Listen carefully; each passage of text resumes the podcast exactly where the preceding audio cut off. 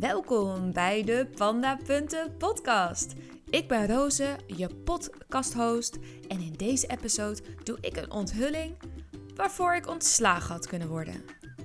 Maar we beginnen met hoofdstuk 7, waarin Teddy een pleidooi houdt voor een condoomrevolutie. En daarna met zowel Chris als met Alex een avontuur beleeft. Ja, het gaat echt top met haar pandapunten spaarsysteem. Veel plezier met hoofdstuk 7.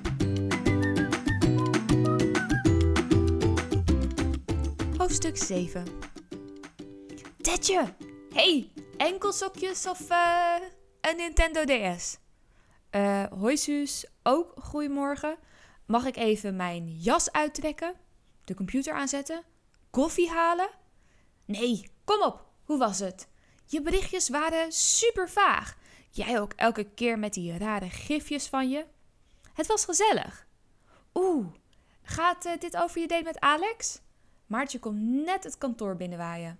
Wacht even met je verslag, dan kan ik meteen meegenieten.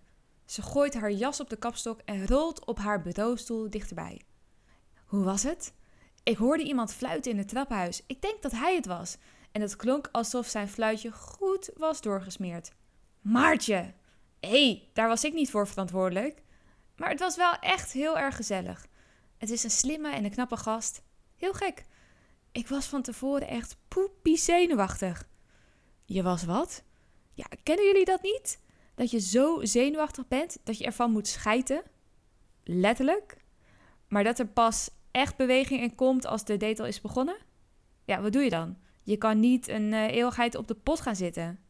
Uh, Teddy, dit zijn niet echt de details waar wij op zitten te wachten. Ja, eens met Maartje. Want wat ik wil weten, enkelsokjes of een Nintendo DS. Suus, ik heb echt geen flauw idee wat je daarmee bedoelt. Suzanne zucht, alsof ze moet uitleggen waarom een banaan krom is. Oké, dames. Kennen jullie dat gevoel van kerstavond van vroeger? Er lag een berg met cadeautjes onder de kerstboom, maar je moest tot de volgende ochtend wachten met uitpakken. Je kon en wilde eigenlijk niet wachten. Dus wat deed je? Je ging voelen, beetje schudden en probeerde aan het formaat van de verpakking de inhoud te raden. Maar iedereen die wel eens een pakketje online heeft besteld, weet dat verpakkingen verraderlijk zijn. Iets kleins zit soms in een grote doos. Over doos gesproken, je hoopt natuurlijk altijd op een heel groot cadeau. En als je dan eindelijk je pakje mocht uitpakken, dan kon het een Nintendo DS zijn of enkelsokjes. En het laatste wat je wil naar zoveel opgebouwde spanning is enkelsokjes. Suzanne houdt haar pink omhoog om haar metafoor kracht bij te zetten. Enkelsokjes zijn het zwarte schaap onder de sokken. Ze functioneren, maar de lengte is zo onsexy dat je er echt niks mee kan. Kom op, Suus, het gaat toch niet altijd om het formaat? Jawel. Ben jij wel eens een mini-penis tegengekomen? Wat doe je daar dan mee? Tussen duim en wijsvinger en een beetje wiebelen? Paar keer over het speldenknopje likken? Nee, want niemand trekt vrijwillig enkelsokjes aan.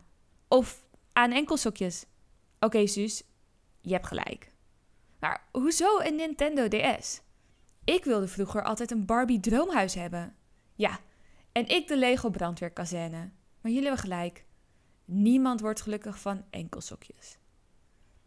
Teddy krijgt een vragende blik van haar beide vriendinnen. Nee, ik heb geen idee. Ik heb mijn pakje nog niet kunnen uitpakken. En het is winter, dus veel lage cadeaupapier.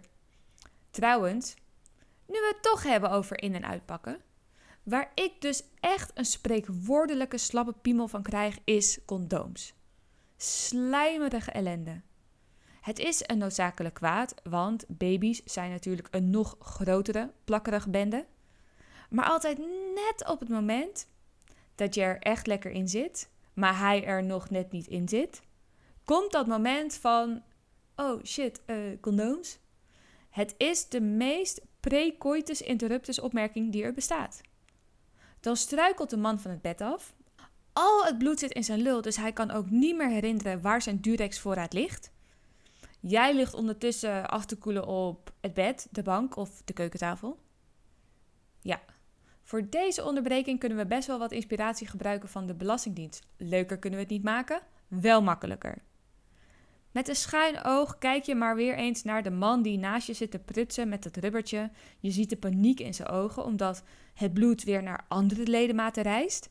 En het voorspel bijna opnieuw moet beginnen. Al dat werk voor niets.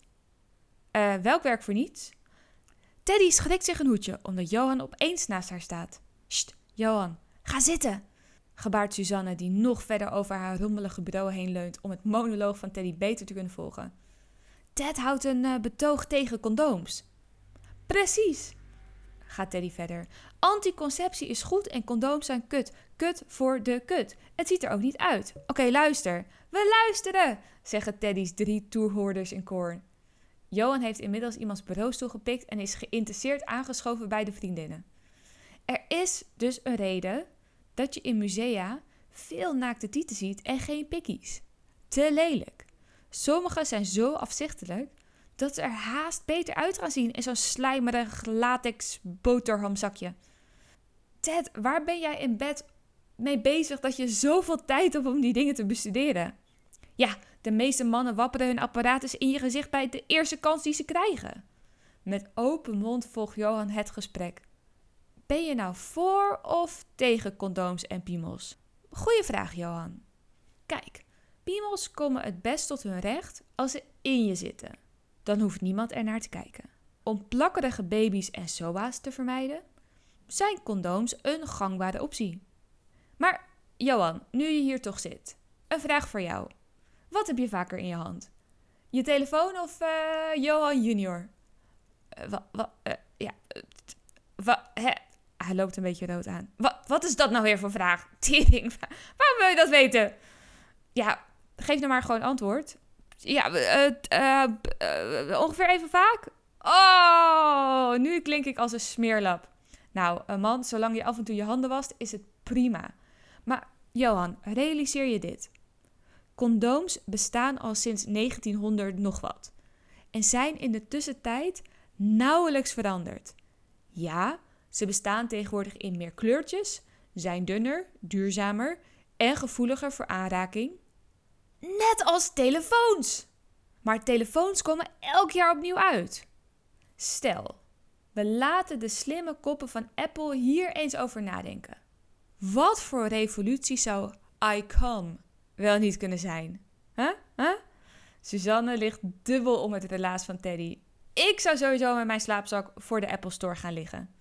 Johan is helemaal in de war. Wacht even. Dus eigenlijk wil je een vent met een paardenlul die steriel is en trucjes kan? Nou, paardenlul, paardenlul. Ja, in ieder geval geen enkelsokjes. Teddy denkt nog even na over een beter antwoord. Het ideale formaat hangt af van de ruimte waar die in moet en zit ergens tussen stop kloppen op de deur van mijn baarmoeder die zit op slot en jij hebt de sleutel niet en zit die er al in?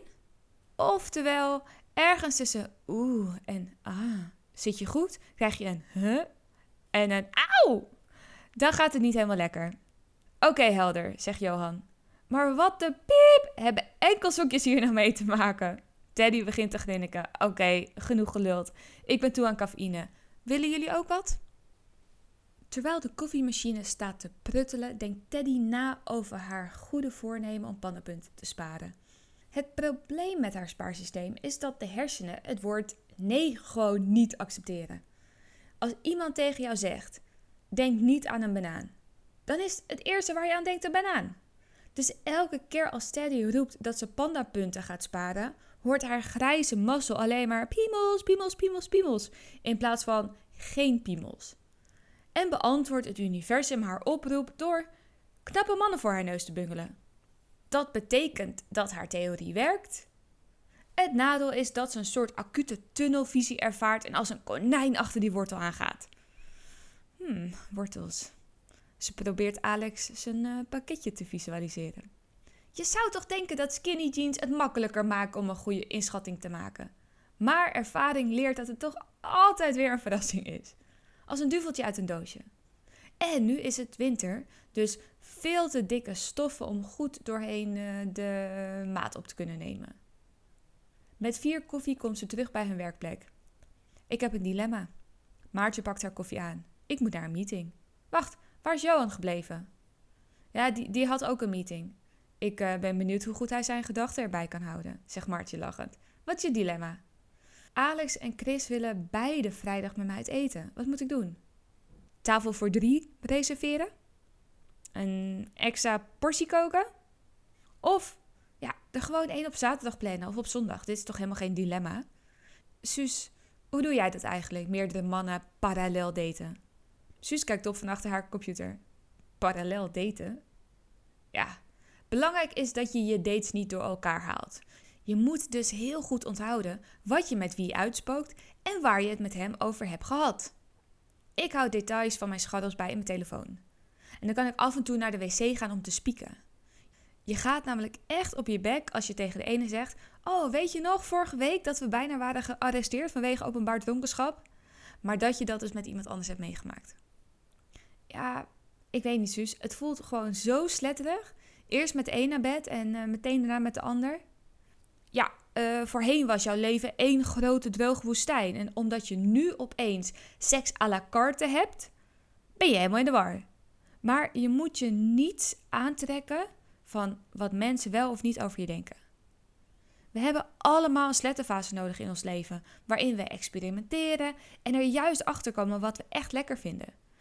Vergeet dus af en toe die pandapunten ellende en geniet. Het advies van Suzanne klinkt logisch. En Tetje, luister, voegt Maartje toe. Je hoeft toch niet met allebei naar bed? Plan gewoon die date, ga lekker eten, laat de avond zich ontvouwen en plan niet alles vooruit. Nou, dat ben ik niet helemaal met Maartje eens. Een beetje planning kan geen kwaad. Knipoogt Suzanne naar Teddy. Evenwel eh, de relevante zones ontharen, een beetje sexy ondergoed aantrekken en nooit van huis zonder minimaal één condoom op zak. Hoe erg je die dingen ook haat, ze zijn ook je beste vriend. Teddy heeft ondertussen haar telefoon gepakt en appt Alex. Vrijdag wordt toch lastig voor me. Kan je ook zondag? De vrijdagavond met Chris vliegt voorbij. Goede wijn, slap gelul, geen slappe lul en flink wat ontdek je plekje. Hij heeft weer voor haar gekookt, net zoals de eerste avond van hun ontmoeting. In haar keuken deze keer. En zij is het toetje. De viking blijkt een bijzonder goede eetlust te hebben. Het pandapunten spaarsysteem heeft nul kans van slagen met deze man binnen grijpafstand. De volgende ochtend schrikt Teddy wakker van een geluid dat ze niet helemaal kan plaatsen. Uit automatisme grijpt ze naar haar telefoon die op haar nachtkastje ligt.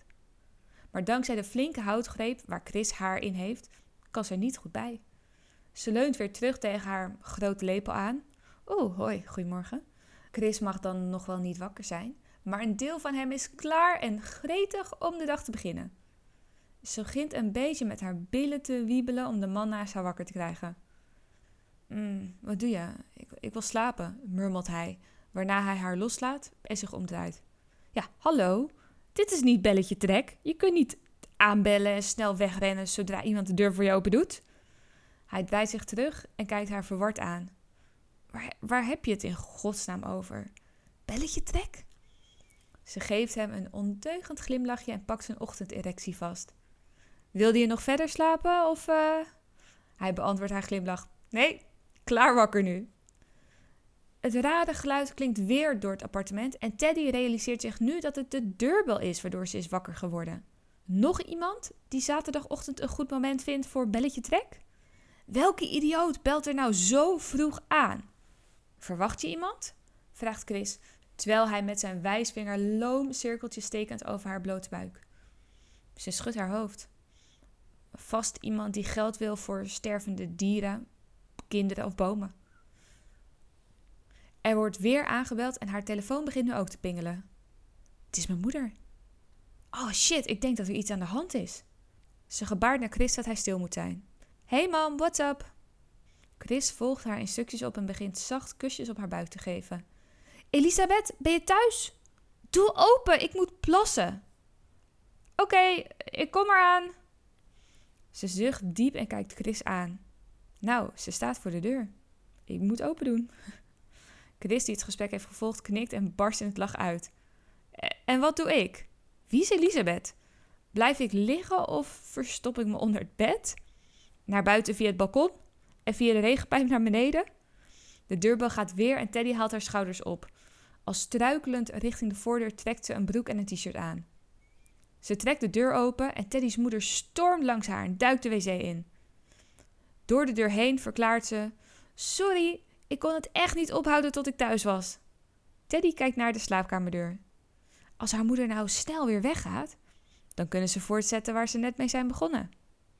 Maar haar moeder heeft helaas iets anders in gedachten. Ze komt de wc uit met: Ik lust wel een kopje thee, terwijl ze haar dochter een knuffel geeft. Ik heb je al veel te lang niet gezien en je belt ook nooit even gezellig. Mam, je kunt toch ook mij bellen? Teddy volgt haar moeder de keuken in, die de theeketel met water begint te vullen. Schat, je ziet er verhit uit trouwens. Je hebt toch niet een griepje onder de leden? Heb je kamillethee? Dat is goed voor je immuunsysteem. Ah, lekker. Ik lust ook wel een kopje, klinkt het opeens vanaf de gang. Beiden kijken verrast om. Chris staat in de deuropening in een krappe lichtroze pyjamabroek en ontbloot bovenlijf. Teddy's moeders mond valt een beetje open. Hij stapt op Jansen senior af en geeft haar een hand. Aangenaam kennis te maken. Ik ben Chris. Ze pakt zijn hand en antwoordt: Corine. Hij richt zich tot Teddy. Enig idee waar mijn t-shirt is gebleven? Eh, woonkamer, denk ik, antwoordt ze blozend. En zodra hij uit gezichtsveld is, fluistert zijn moeder: Wie is dat? Sinds wanneer heb je een vriend? Je vertelt me ook nooit iets. Voordat Teddy kan antwoorden, stapt Chris de keuken weer in en het valt stil. Teddy kijkt van haar moeder naar Chris en weer terug. Ja, ooit wordt dit een prachtige anekdote, maar nu is het alleen heel erg ongemakkelijk. En dan valt haar oog op de klok. Shit, is het al zo laat? Uh, jongens, ik moet naar de kapper, dus ik duik even onder de douche. Niet te veel ongemakkelijke vragen aan elkaar stellen. Thanks! En ze ontsnapt de keuken uit. Liever laat ze hen niet alleen, maar ze kan ook weer niet te laat komen. Eruit zien als een unnatural blonde gaat niet vanzelf. Die donkere landingsbaan bovenop haar hoofd heeft wat liefde van Jean-Louis David nodig. Teddy staat net onder de douche als de deur open gaat. Chris. Ze stopt met shampooen en kijkt hem aan. Huh? Afwachtend op wat hij gaat doen, houdt ze haar adem in. Volgens mij waren wij net iets begonnen en hij stapt met kleding en al bij haar onder de douche. Ze slaakt een gilletje en hij legt een vinger op haar mond. Sst, ik heb tegen je moeder gezegd dat ik even moest plassen. En hij begint Teddy's haar verder op te schuimen. En wat gaat ze denken als jij kletsnat weer naast haar op de bank gaat zitten? Hij haalt zijn schouders op en ze moeten beide lachen om de absurde situatie. Hij trekt zijn inmiddels hij trekt zijn doorweekte t-shirt uit, terwijl Teddy zijn broek naar beneden trekt. En ding dong, daar is zijn ochtenderectie weer. Deze valt sowieso in de categorie Nintendo DS. Met joystick. Ze is acuut vergeten dat haar moeder aan de andere kant van de dunne deur een kopje thee zit te drinken. Jij bent zo sexy, fluistert ze in zijn oor. Oké jongens, ik ga er weer vandoor, klinkt het plotseling aan de andere kant van de badkamerdeur. Daddy's ogen worden groot als schoteltjes en ze moet haar hand voor haar mond houden om haar lachen in te houden. Sorry, mam, ik bel je vanavond. Chris grinnikt zachtjes en ze staan even als twee standbeelden. Totdat de voordeur met een klap dichtvalt, wat het startsein is voor een stomende sessie. En te laat komen bij de kapper. De volgende dag wordt ze wakker met spierpijn en berichtjes van zowel Chris als Alex. Oh, ze moet niet vergeten de notificaties uit te zetten als ze met een van de twee jongens is. Want dit moeten ze niet van elkaar lezen. Hé, bah. Ze voelt zich als een vreemdganger, terwijl ze niet eens een relatie heeft. Dit was dus precies de ellende die ze niet wilde. Ze moet een keus gaan maken. Maar daarvoor moet ze de twee heren nog net even iets beter leren kennen. En met leren kennen bedoelt ze eerst even Alex zijn pakketje uitpakken. Zij en Alex appen wat heen en weer en besluiten een kijkje te gaan nemen bij de nieuwe expo in het Stedelijk Museum. Uiteraard niet de plek waar de uitpakparty gaat plaatsvinden, maar wellicht doen ze nog wat de inspiratie op. Ze slenteren door het museum en Teddy raakt gefrustreerd door alle mensen die alleen maar foto's maken van de kunst, in plaats van er gewoon rustig van te genieten. Is rechtstreeks naar de kunst kijken gevaarlijk? Net als bij een zonsverduistering? Merkt ze opzettelijk net even iets te hard op. Waarom kijken we kunst tegenwoordig via het scherm van onze telefoon? Alex kijkt haar aan. Wat denk jij dat de beste manier is om kunst echt te zien? En hij trekt haar mee naar een andere galerij. Geen idee, maar het begint met even goed er naar kijken, lijkt me. Ze gaan op een bankje zitten en Teddy vervolgt. Mijn creatief directeur vertelde een keer dat hij, toen hij nog op de kunstacademie zat, naar een museum ging met een zonnebril op en een blindenstok. Hij vroeg dan aan bezoekers om de kunstvorm te omschrijven. Dat lijkt mij nou een hele bijzondere manier om kunst te ontdekken en anders te zien. Je bedoelt door het niet te zien. Precies, door het te zien door de ogen van iemand anders. En de ogen van je fantasie. Je ziet dingen toch altijd door je eigen filter. En dan zie je eigenlijk niets anders meer. Alex grabbelt in zijn jaszak en tovert een zonnebril tevoorschijn. Oké, laten we het doen. Alsof we blind zijn. Ja, om de beurt. Jij mag eerst. Laten we beneden beginnen. Alex zet zijn zonnebril op en ze lopen samen de trap af. Bij de ingang van de galerij stopt Teddy. Nu moet je je ogen dicht doen. Ze slaat een arm om hem heen zodat ze hem kan leiden. Zijn ze dicht? Alex knikt en ze beginnen te lopen. Als ze tot stilstand komen voor haar favoriete kunstwerk, weet ze even niet waar ze moet beginnen. Ze staart naar het schilderij en neemt alles in haar op. Oké, Alex, dit kunstwerk zuigt je naar binnen. Zo intens blauw is het dat je erin verdrinkt. Het kunstwerk is ongeveer anderhalve meter breed en hoog en diep blauw. Je ziet geen likjes verf op het canvas, alleen maar verschillende tinten blauw. En ik verlies mezelf er altijd een beetje in. Het geeft me hetzelfde gevoel als wanneer ik naar de zee kijk.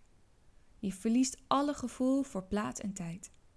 En er zitten een paar sponsen op, in diezelfde kleur intens blauw, die, denk ik, een metafoor zijn voor het gevoel dat je hebt als je naar dit stuk kijkt, dat je je helemaal opzuigt. Ze kijkt opzij naar Alex, die een klein glimlachje op zijn gezicht heeft. Heb je een mentaal plaatje? Nou, ik denk dat ik wel weet over welk stuk je het hebt, Ted. Mag ik kijken? Als antwoord doet ze zijn zonnebril af. Hij knippert een paar keer met zijn ogen en bekijkt dan La Corbleu van Yves Klein. Goeie keus. En ja, Teddy, ik snap je vergelijking met kijken naar de zee. Hij geeft haar de zonnebril. Jouw beurt. Samen lopen ze naar de roltrap. Doe je ogen maar alvast dicht. En zodra hij ziet dat haar ogen dicht zijn, zoent hij haar. Ze schrikt ervan, maar zoent daarna terug. Teddy raakt normaal al snel verdwaald in het stedelijk, maar met haar ogen dicht is ze compleet gedesoriënteerd. Na drie rondjes komen ze eindelijk tot stilstand. Waar zijn we? Ja, dat zeg ik natuurlijk niet. Mijn favoriete kunstwerk is gigantisch. En het valt veel mensen denk ik niet eens op. Al die vrienden van je die het museum door het schermpje van hun telefoon bekijken, zien deze sowieso niet. Tenzij ze de instructies van de audiotour opvolgen. Waar de meeste kunstwerken hier geëxposeerd worden, is deze echt onderdeel van het gebouw. En ik word er vrolijk van als ik er naar kijk. Er gebeurt zoveel en er zit zoveel energie in. Oh. En ik denk dat het het enige stuk is dat hier is gemaakt. Ik weet waar je het over hebt. Alex doet de zonnebril af en Teddy kijkt op naar het velium van Keith Haring dat boven de trap hangt. En je hebt gelijk. Als je batterij leeg is, moet je gewoon even naar het stedelijk komen en een half uurtje naar boven kijken. En je kan er weer tegenaan. Ze gaan op de trap zitten en observeren de andere kunstkijkers tot ze dorst krijgen. Wijn? Wijn. Ik weet een leuk restaurantje. Alex staat op en trekt Teddy mee overeind. Italiaans oké? Ze laat zich gewillig meevoeren. Italiaans eten is natuurlijk altijd goed. Uh, jongens, er proberen hier mensen van hun maaltijd te genieten. Een ober staat geïrriteerd voor hun neus. Jullie gesmak is niet het meest smakelijk ambiance geluid. En gewoon even de handjes boven tafel. We zijn een net restaurant. De ober loopt geïrriteerd weg, terwijl Teddy en Alex blozend als een stel betrapte tieners naar elkaar grinniken. Teddy begint onbewust haar stokbroodje in stukken te plukken, terwijl Alex hun glazen wijn nog een keer bijvult. Ze hoopt echt dat het eten er snel aankomt, zodat haar mond niet... Ze hoopt dat het eten er snel aankomt, zodat haar mond iets anders te doen heeft. Want Alex, die kan verslavend lekker zoenen. Eh, jongens, de ober staat weer met een gezicht op onwerf voor hun tafel. Ik zie twee onaangetaste borden met koud eten, maar jullie vreten elkaar op alsof jullie jaren op een onbewoond eiland zijn geweest. En elk op een eigen eiland, waar dus geen eten was. Dus bestel graag iets anders van de kaart om jullie honger te stillen of ga ergens anders heen. Oeh, goed plan. Welke toetjes hebben jullie?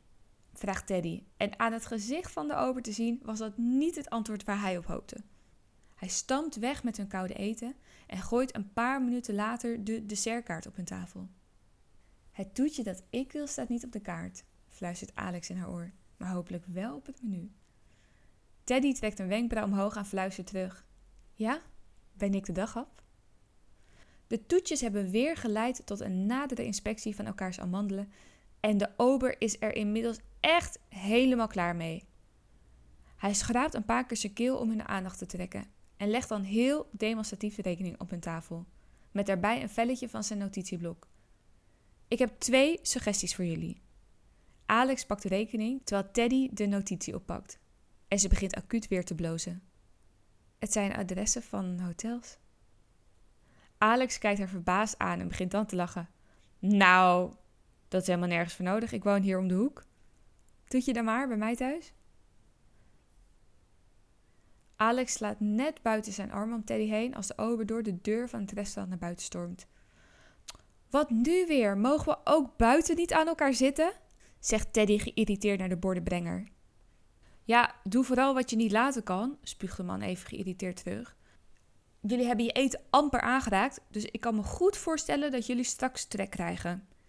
In iets anders dan elkaar.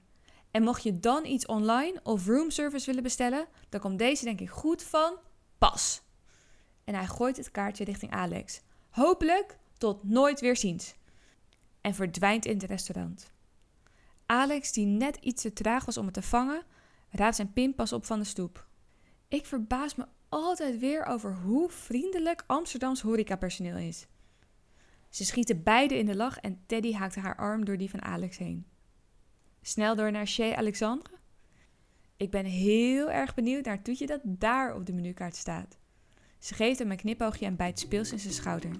Ik heb namelijk een enorme trek.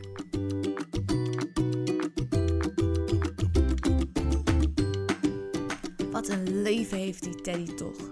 Twee mannen. Dat panda-punten spaarsysteem dat werkt als een trein. Goed, uh, nadat het vorige hoofdstuk al een hele goede date-tip had, lekker in de kroeg het hele alfabet afwerken, had dit hoofdstuk natuurlijk ook een mooie tip, namelijk als blinde kippen door het museum. En ook als je geen afspraakje hebt, dan is het Stedelijk Museum eigenlijk altijd gewoon een goed idee. Maar wat er in het museum gebeurt, is niet waar de anekdote van deze week over gaat. Ik heb nog even getwijfeld of ik deze wel moet vertellen. Of ik ermee in de problemen kan komen. Maar ik ga het gewoon doen. Ik heb jullie in de podcast trailer smeuïge anekdotes beloofd. En belofte maakt schuld. In dit hoofdstuk, hoofdstuk 7, worden Teddy en Alex dus min of meer weggestuurd uit een restaurant door een ober, omdat ze misschien iets te handtastelijk zijn. Dit is mij niet één keer overkomen, maar drie keer. Wel steeds in hetzelfde restaurant, in de Wolvenstraat in het centrum van Amsterdam, en steeds door dezelfde ober. En ik moet eerlijk zijn, de derde keer deden we het ook puur om de ober te pesten. Gewoon omdat het een ontzettende lul was. Maar ik ga het hebben over die eerste keer. Toen werden wij dus vriendelijk verzocht om het restaurant te verlaten. En kregen ook ik en mijn date een hotelsuggestie van de ober. Wij woonden allebei niet in de buurt. Tenminste, als je in Amsterdam woont, dan kwalificeert 20 minuten fietsen als niet in de buurt. En we waren wel in de buurt van ons kantoor. Ja, ons. Want ik was destijds stiekem aan het daten met een collega. En niemand op kantoor wist dit. Nou, ons kantoor was 24-7 open. Maar het was al laat, op een doordeweekse dag, de lichten waren uit.